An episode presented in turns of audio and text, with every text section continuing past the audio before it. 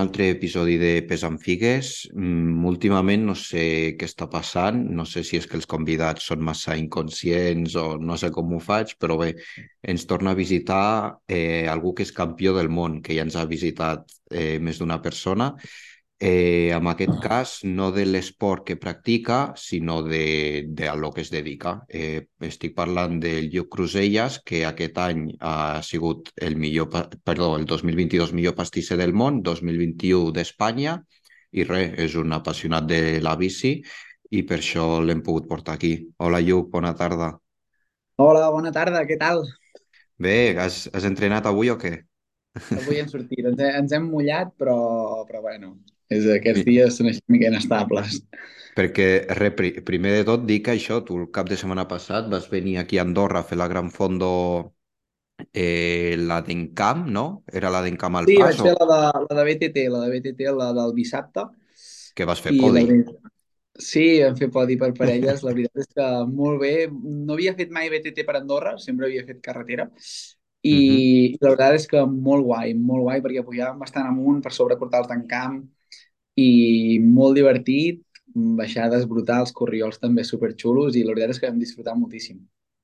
El temps, és que jo no vaig poder estar aquí, el temps us va respectar, oi? Perquè es vaig veure tothom de sí. curt. Sí, sí, sí, estava bé, estava una mica tapadot, però vull dir que no feia tampoc calor ni fred, vull dir que superbé, la veritat. Bueno, va, comencem una mica amb la teca. Ara mateix estàs a llos object... o sigui, tema, tema de moment toquem bici, eh? Estàs a llos mm, al pic de forma, diguéssim, més més endavant, o tu ets algú que t'agrada estar bé sempre? Com, com ho fas, això, Lluc?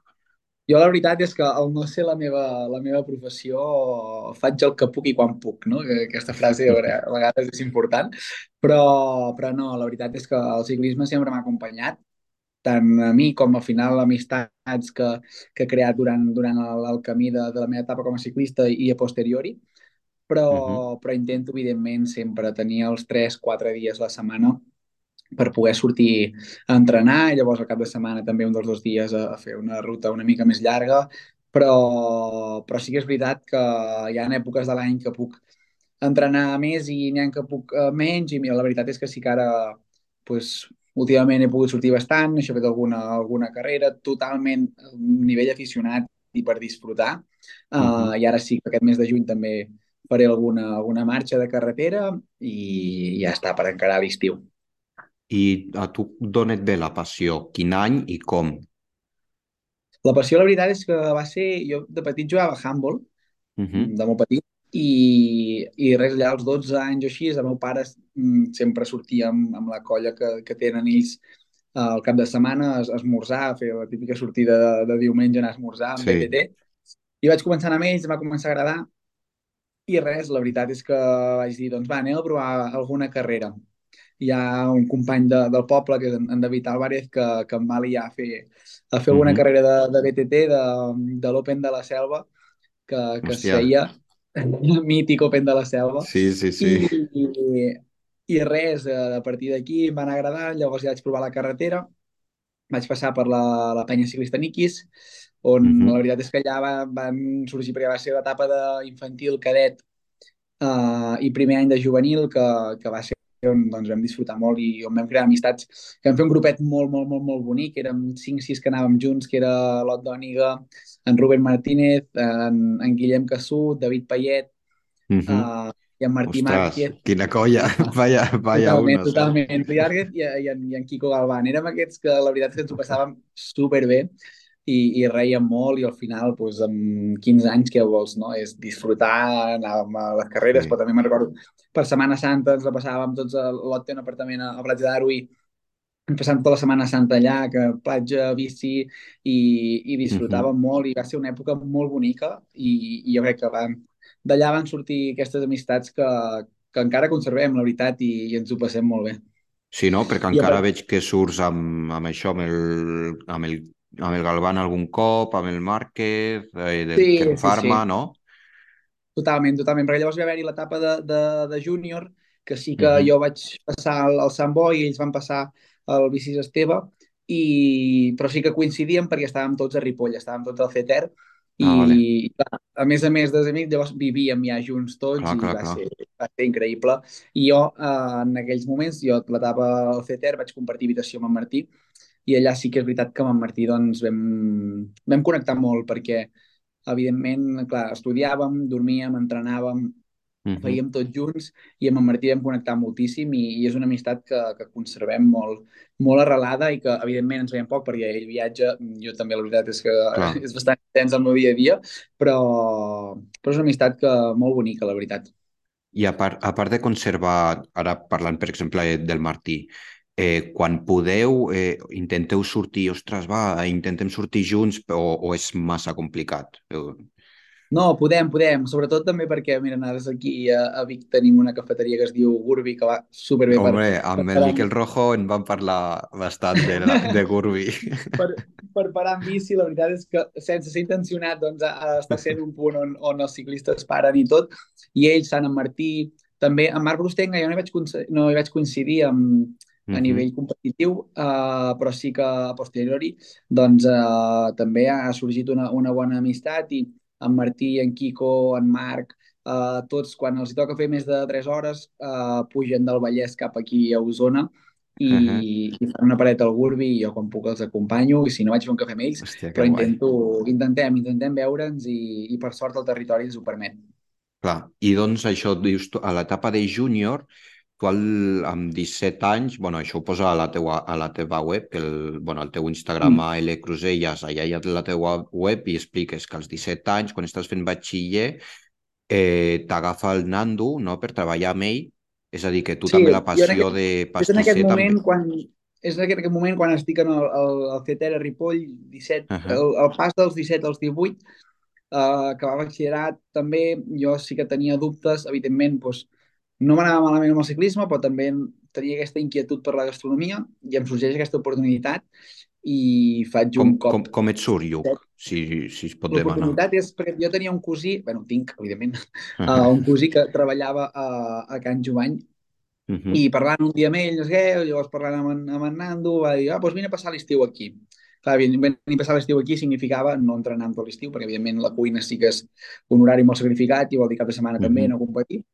I va ser un cop de cap eh, el que vaig dir, doncs mira, no passa res, deixo la, la competició per, per aquest estiu i, i ho provo i vaig aprendre aquest, aquest ofici i aviam si m'agrada o no, i si no, doncs, parar, fer un parón de dos mesos, doncs, tampoc passarà res i, i ja està. Però bé, la veritat és que em va enganxar, em va agradar i vaig decidir posar-me a estudiar pastisseria perquè sí que a dins de Can Joany em van ficar a la, a la secció de pastisseria i em va agradar moltíssim. I a partir d'aquí ja és quan comencen els meus estudis de pastisseria, però sí que en tot moment conservant sempre la- l'afició al ciclisme, eh, el Mhm. seguiment evidentment de, de, de carreres i, i, i curses i, i sent la via aquesta de- d'escape no? al, al ciclisme. I, evidentment, tant com puc i, i, i com em deixa el Sí. temps, no? Però, però bueno, sí que m'ha sabia greu de deixar la, la competició en, en aquells moments, però també sabia que se m'obrien unes portes a nivell professional de- d'aquest sector, no? de la pastisseria, que, que també doncs, volia aprofitar i, i mira, va ser un cop de cap que la veritat, doncs, en aquest cas ha anat bé. Ostres, però deixant posar una mica en relleu el, el cop de cap aquest, perquè clar, amb 18 anys, eh, ostres, que tu ja estàs en un centre de, de tecnificació que, que tinguis tan clar, és a dir, tu en aquell moment la gastronomia, doncs, era la teva prioritat, o, o no? És que, ostres... mm, Sí, va ser, va ser, va ser complicat i, i també, no sé, va ser creure i suposo que a vegades també la vida et fa prendre decisions que d'alguna manera o altra jo ho vaig veure clar, vaig dir, no, mira, ja està, és una etapa que s'ha acabat i, i vull començar aquesta etapa i crec i, i l'afronto. I sí que és veritat que és això, eh? Molta gent va dir, però què estàs fent? Vull dir, o sigui, estàs, a, estàs competint i estàs a això, al centre de Sí. tecnificació i superbé, i de cop i jo vaig dir, no, no, jo hi crec i jo crec que el meu futur és això i, i sí, sí, ja et dic, eh? No sé en, en què em basava en aquells moments, però hi vaig creure molt. I és més, o sigui, de la meva família no ve de família pastissera tampoc. Vull dir que no, no, no sé en quins fonaments em basava i segurament algú m'ha prendre per boig, però, però la veritat és que mm, ha acabat anant molt bé. Aviam, està anant. no, no era de la gana que passaves amb bici, no, no vindrà d'allí. També podria ser. I doncs tu, tu això, com, quan veus que, bueno, clar, amb el Nando et posen a la part de pastisseria, però tu en cap moment, això, veus que vols estudiar pastisseria, però en cap moment vols provar eh, l'altra part, eh, és a dir, la part més salada, per, per dir-ho en grans termes. Sí. La veritat és que em, em tira enrere bastant, uh, bastant aviat el, el tema de la cuina salada, però sobretot per una cosa i que podria semblar... Mm, dir, ostres, però sí, és per l'horari. O sigui, els horaris a, vale. a cuina són, són horribles perquè... Com no canvien, tens... Lluc, per fer-nos la diferència no entre una i l'altra? En, en pastisseria Uh, ara mateix ja, vull dir, sí que aquests, aquestes paraules doncs, me les he menjant patates perquè ara mateix el meu dia a dia és tot el dia i 24-7 dedicat exclusivament a aquests projectes que estem tirant endavant. Però bé, però perquè us feu una idea, les 8 hores que, que treballa doncs, una persona en pastisseria la sol fer de 6 a 2, per exemple, o de 6 a 1, mm -hmm Uh, evidentment, incloent cap de setmanes, però que això ja, és, ja, ja està dins la gastronomia. Però en cuina, per exemple, es fa de 9 del matí a 4 de la tarda i llavors de 8 del vespre uh, a 11 de la nit, saps? I, i t'acaba partint tot el dia i és una mica complicat Va. i és una cosa que em va, em va tirar enrere i que no té per què, eh? i una etapa de la vida tampoc passaria res, però vaig eh, creure, també em tibava més la pastisseria per l'àmbit aquest doncs, creatiu, l'àmbit aquest que crec que la pastisseria sempre eh, és felicitat, no? Jo crec que quan algú menja un dolç o menja xocolata uh -huh. eh, no és ningú trist no? en, aquests, en aquell moment i, i crec que era una cosa pues, que, que feia que m'atregués més la, la pastisseria. I doncs la formació, tu quan et comences a formar de pastisser i tal, deixes totalment de banda la bici perquè no tens temps o pots allò combinar-ho prou bé? Per tema no, mental sempre, i físic, sempre al tingut, final dic. Sempre he tingut el moment, sí que hi ha etapes que doncs, per poc temps he combinat una mica més amb el, amb el córrer, per exemple, que sí que uh -huh. doncs, amb milloreta ja es, no. pots haver fet la feina, però, però sempre he conservat i sobretot el que em quedo més de la meva etapa com a ciclista i que he intentat aplicar uh, llavors pues, a la vida professional amb l'àmbit que em toca uh, són aquests valors de sacrifici, de constància, d'esforç. De, jo ho tinc molt clar i ho vaig remarcar tot l'equip preparant el concurs, preparant el Campionat del Món. Uh, uh -huh. Jo vaig dir molt clar, hi havia tres paraules claus que era sacrifici, esforç i constància. I això resumia en una paraula que és actitud. I crec que és, mm, això és un resum del que per mi és el, cicli, el ciclisme, no? i, i crec que és el millor que se'n pot extreure. A part de guanyar o no guanyar carreres o, o ser uh, guanyar un tour o que sigui, evidentment, eh? vull dir, és importantíssim, però crec que tots el, els nens i nenes, nois i noies que es dediquen o, o que fan carreres de ciclisme o que surten el cap de setmana en bici, amb el que s'han de quedar és amb el que transmet aquest esport, que és això, que és, són uns valors increïbles, a part de, de conèixer territori, de conèixer gent, de, mm -hmm. de conèixer cultura de, del teu país, la geografia, llocs nous. Mm, crec que és un esport tan bonic que, que no el deixaré mai. Quin, quin és, ara mira, ara que deies territori, que volia parlar una mica de la Titan, perquè aquest any eh, ja, hem, bueno, ja, has, ja has dit això, que el teu cos estava out. Quin és el... Bueno, mira, primer parlem de la Titan. Vas anar allà ja sabent que el teu cos està una mica out o tu vas trobar allà?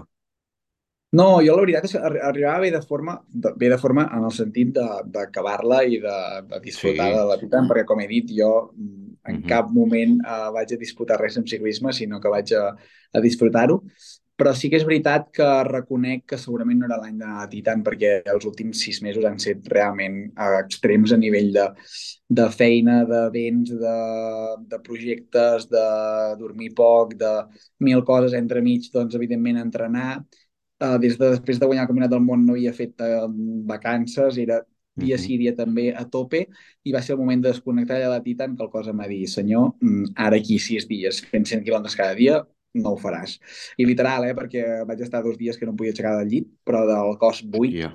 I, però no, no, no físicament, eh, sinó cos buit de dir, bueno, el que típic que li passa a molta gent quan comença vacances es posa malalt, doncs mm -hmm. em va passar això i, i ja està, i no passa res. I també va ser un aprenentatge perquè el dia abans de marxar jo encara a les 9 del vespre estava fent la maleta, al migdia havia tingut una reunió uh, superimportant de feina, que tampoc uh, uh, o sigui, jo crec que és una carrera que s'ha de poder disfrutar una setmana abans ja tenir ah. cap amb el toc i, i, i, poder-la disfrutar bé, bé, bé, i, però bueno, no passa res, ha estat un aprenentatge i tant, i també tant. un aprenentatge més i, i la veritat és que allà mm, les etapes que vaig poder fer increïble, l'organització brutal, uh, també em van tractar de, de 10 i, i res, i que l'any que ve hi penso tornar sí o sí I, a treure'm les...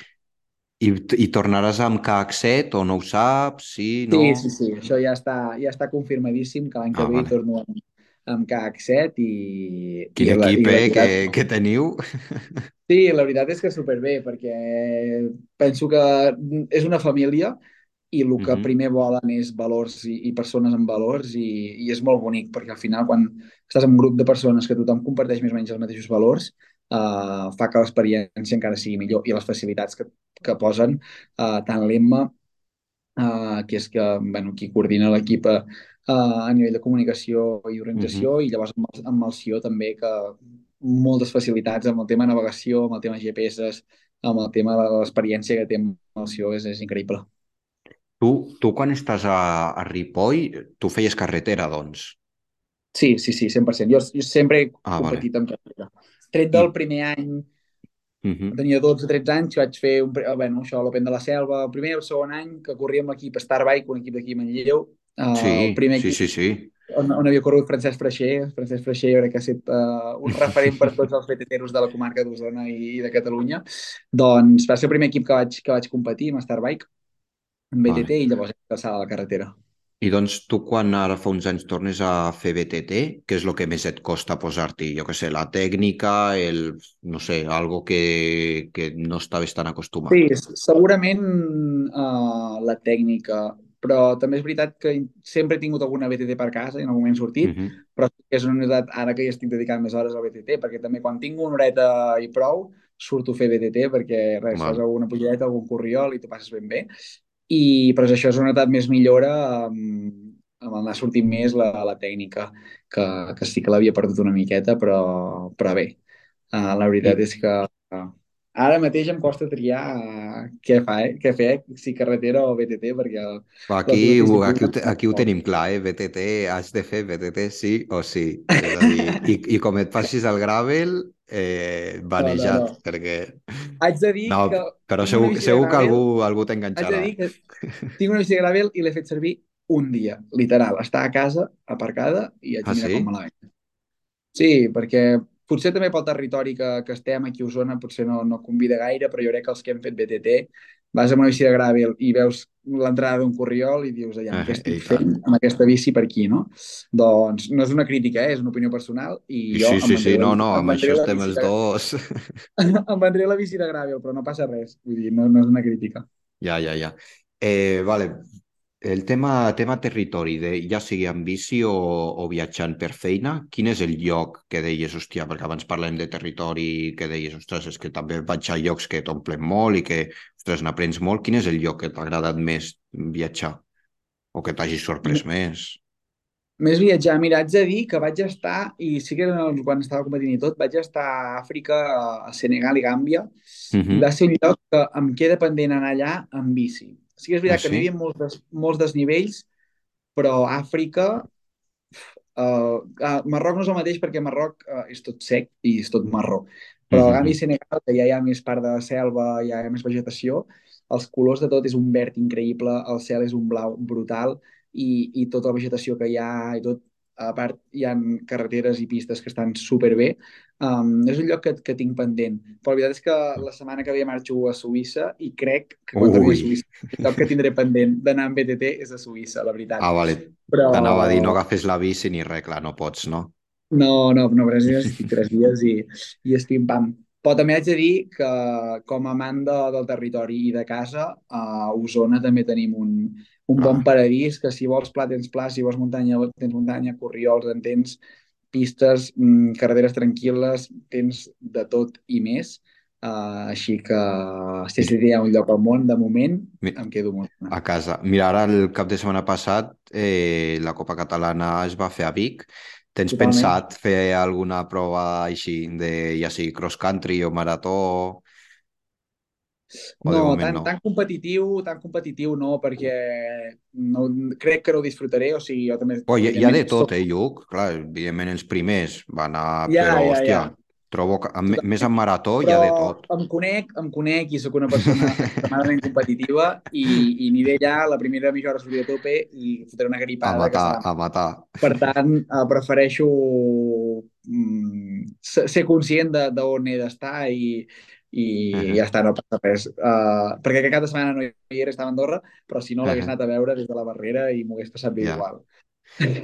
I mira, ara un, tornem una mica al tema professional. Tu l'any passat, quan guanyes el World Chocolate Master, que clar, això o sigui, la gent ja sabrà perquè has anat a TV3, has anat a RAC1, has anat a tot arreu, se t'ha- perquè clar, al final és campió del món de, de lo teu. Tu t'ho Sí. esperaves, això? Eh, explica'ns una mica. Clar, jo, jo ja he escoltat totes les entrevistes teves, però explica una mica a la gent.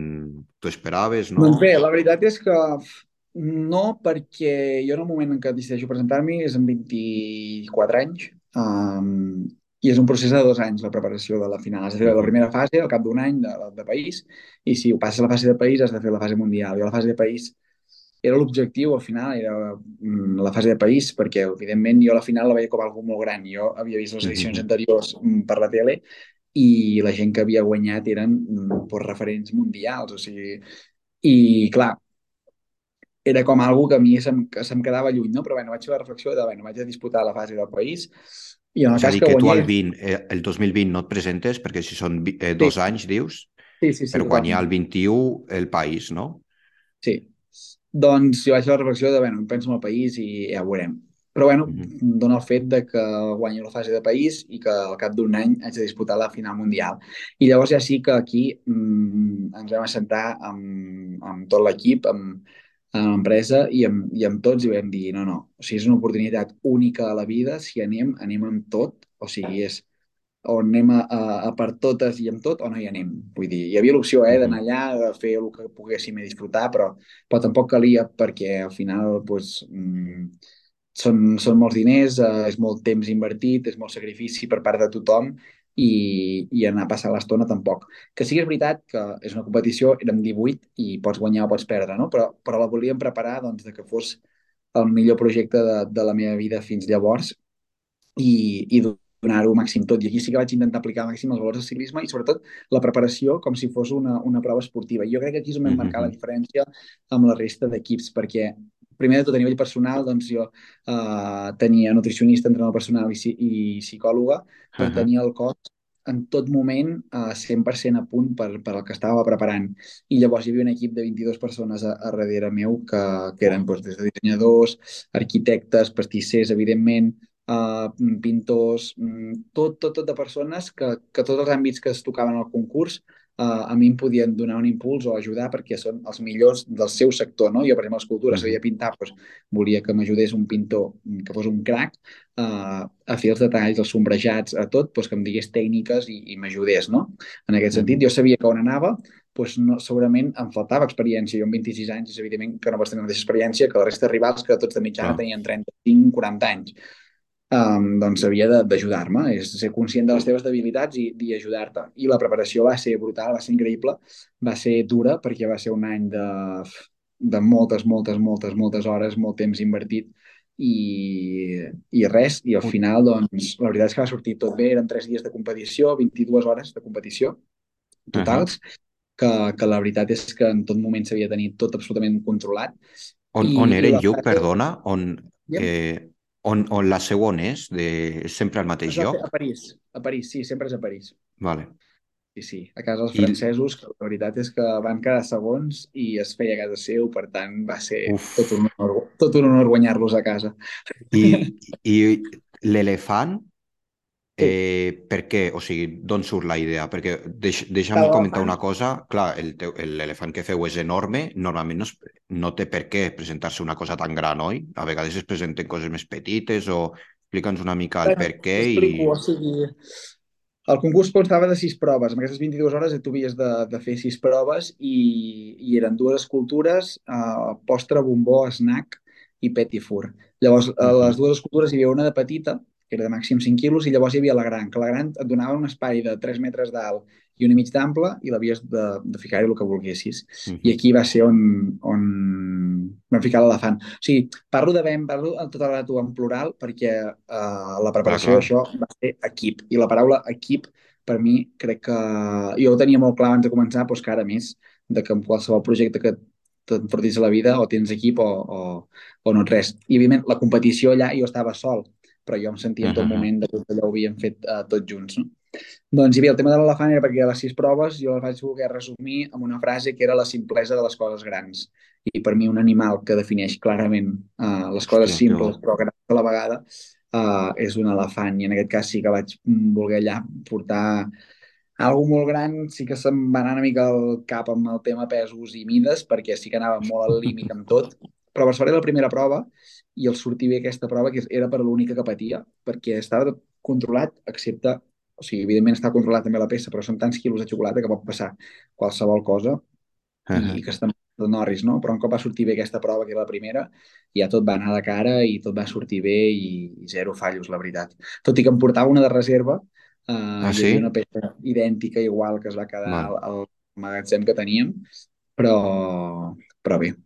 I a, aquesta peça de, de reserva ja, ja, està, ja està menjada, està subestada, està no, reservada? No, la veritat és que la, la vam baixar i és la que està exposada a la ah, botiga ah, vale. de Quibic.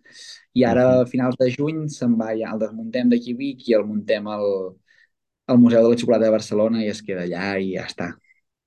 I doncs tu, això, clar, acabes això, que per tu, vamos, és que amb 26 anys guanyar això ja dius, hòstia, eh, eh, no sé què es pot fer més al món, el 21 de novembre teus un llibre eh, doncs explicant la teva experiència i, bueno, tot una mica del món de, de la pastisseria, al final, que és el que domines i que això, que al final el ser del, el ser, quan hi ha algú millor del món, doncs ha, ha de fer coses, no? I treus el teu llibre que es diu Xocolata, Eh, va, va costar molt fer-lo o què, el llibre? La veritat és que a fer el llibre aquest em va sortir l'oportunitat fer-lo durant la preparació del, del concurs. Evidentment, el llibre surt ah. un mes després del concurs, per tant, era inviable fer el llibre en un mes, a imprimir-lo i tot. El llibre estava a punt a impremta, esperant uh -huh. la nit del concurs i per ficar el cello de millor xocolater del món Uf. o finalista, finalista en el campionat.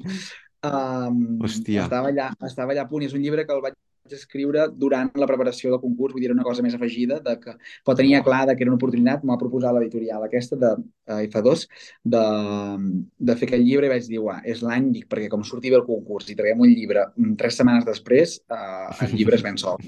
I, i la veritat és que va anar així, va anar així i no em va costar perquè al final va ser obrir-me i explicar una mica el que crec de la xocolata que penso i sobretot era un llibre, és un llibre per apropar-lo a la gent, per apropar-lo a, a la gent de, de peu de carrer perquè hi hagi més cultura i coneixement de la xocolata. I sí que ara, aquest octubre següent, uh, trec un segon llibre que sí que ja és un llibre ah, més vale. enfocat a, a professionals i, i més receptes més tècniques i més per, per pastissers, però aquest primer jo volia que fos un llibre per apropar-me màxim a la gent de, de peu de carrer. Uh -huh.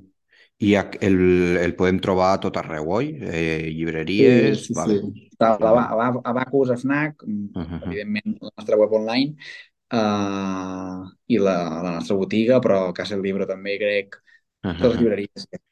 I a, això, a part del llibre de guanyar el campionat del món, Eh, Eucària, mm, ho he pronunciat bé? És Eucaria? Perfecte. Ha poca gent ho pronuncia bé, eh? I ah, Eu Eucaria és la, te és la teva marca de, de xocolata, no, Lluc? Sí, bueno, Eucària és, és una marca que vam fer per, per la nostra botiga purament ja uh -huh. fa dos anys, o sigui, res a petita escala, i pues, va anar molt bé perquè el fet de, de guanyar pues, teníem no, una marca que vendre, però sí que és veritat que era com molt local. Petita escala, escala, diu, fa, fas gràcia, eh, a vegades, jo. no, no, però és veritat, perquè veníem just aquí a Vic i, i online, però res, poca cosa. bueno, poca cosa, evidentment, bé, però sí que és veritat que portem tot aquest any, després del concurs, eh, preparant el rellançament de la marca, -hmm. perquè al novembre eh, el rellancem amb una nova imatge, uns nous formats, eh, molts nous productes sota la marca uh -huh. Eucària. Entra el meu nom, es dirà Eucària i Cruselles, i -huh. això és bastant primícia, que ho sàpigues. Um... Ostres, vale, vale, vale, vale. És que per això no volia dir gran cosa, perquè digues, digues, segueix. No, no, no, perquè el 20 de setembre no sortirà tot, evidentment. Clar, clar, clar. Sí, perquè serà així. Um, però sí que farem el rellançament i llavors ja sí que sortim sortim d'Osona i, evidentment, Ostres. els peus d'Osona, això ho tinc claríssim. O sigui, Osona m'ha donat tot Uh -huh. uh, perquè la gent d'aquí és qui ha comprat el nostre producte des del minut 1 i qui ens ha apoyat des del minut 1. Per tant, els peus, el, el peu serà a Osona, uh -huh. però el peu el tindrem pel món. Per tant, ve un Nadal que, que venen curves, però que les encararem de la millor manera. Però ara Eucària marxa cap a Eindhoven, que hem vist que has portat xocolates al, al Barça femení o sigui que ja estàs començant a fer algun pas perquè marxi la marca cap allà i, ostres, com el... Bueno, això, que avui, que, que dimecres que gravem podcast, sí, sí, sí. els has entregat el pack, no? Totalment, totalment. Farem, farem accions d'aquestes fins d'aquí a l'octubre i, evidentment, quan ja puguem donar llum a la, a la nova imatge de la marca sí. uh, encara més, però, però sí, la idea és que puguem evidentment estar al territori, estar aquí a casa nostra, uh -huh. estar a Catalunya i Andorra, Uh, bé, bé, bé, bé. Espero, si tot va bé, que siguem presents. Oh, però... clar, a Andorra tens el Nando, que té dos restaurants, o sigui que no, no tens excusa si mai necessites un cop de mà, no? o què? Però bé, bé, tenim ganes, tenim ganes de, de posar-hi fil a l'agulla, que està anant molt bé tot i, uh -huh. i si res es torça a finals d'any, doncs tindrem la, la marca, esperem que per tot arreu. Val, eh, recordar això que la web d'Eucària és pavic.cat i després et volia demanar, tema, tema bici, tu a part, bueno, ara ja has, ja, ja has fet alguna cursa, però ara tens algun objectiu en ment o vas dia a dia, com qui diu? No, la veritat és que m'he liat una mica i faig aquest cap de setmana ha la marxa Jofré, al meu poble, a la Jofré Riu Primer. Tant. I ja, llavors la setmana que ve no l'altra vaig a la Quebrantahuesos. I, i, i llavors... Això sí que són primera... paraules majors, eh? la primera de juliol a la 4 Cims, que també també és molt xula. I sí que ja en aquestes tres, faig només aquestes tres marxes, però així una mica seguides, així, així bé. I llavors ja l'últim cap de setmana de juliol eh, vaig a fer les dues etapes de, del Tour d'Olor, la Sau Baix, la de BTT, oh. que, que tinc ganes de que dorms de ras de, de Peguera, així que, que bé, també ens ho passarem bé i farem BTT del bo. Que bé, doncs mira, dos preguntes que sempre faig al podcast és que si el convidat pesa figues, però sabent que d'horaris vas de puto cul, que a més fas activitat física, eh, em sembla que peses figues segur, o sigui que aquesta la dono per fet. I, i res, per, per anar tancant ja, per no molestar-te més, normalment demano que ens recomani el convidat una cançó que l'identifiqui, que li agrada molt, que, ostres, que ens vulguis descobrir una cançó per tancar el podcast, que, que ens vols recomanar per posar quan tanquem? Vale, acabo, suposo que ho deus deduir, porto una cançó tatuada al cos, uh, perquè ho vaig tatuar després de, de guanyar la, la fase de, de país de, del World Solar Masters i crec que és, és la meva mentalitat i espero no perdre-la, que és la cançó Still Young de, de Cat Empire, que, uh -huh. que em de, crec que em defineix i intento que em defineixi perquè hem de ser sempre tenir l'esperit aquest jove de, de voler més, de no voler parar, de voler créixer i voler millorar. Per tant, crec que la cançó que més m'identifica és Still Young de, de Cat Empire. Que bé. Doncs això, ja sense treure't més temps, agrair-te moltíssim perquè, ostres, eh, que hi hagi gent tan humil eh, aquí encara s'agraeix tant i que sigui tan accessible s'agraeix molt.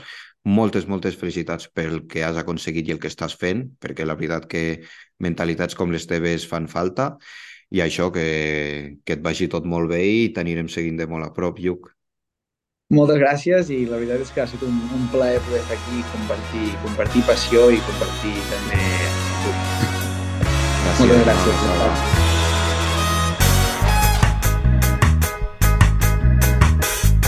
First I saw you standing there, eyes so wide beneath your head, coat worn blacker than the sun shook your head like strummer strum. Stood like soldiers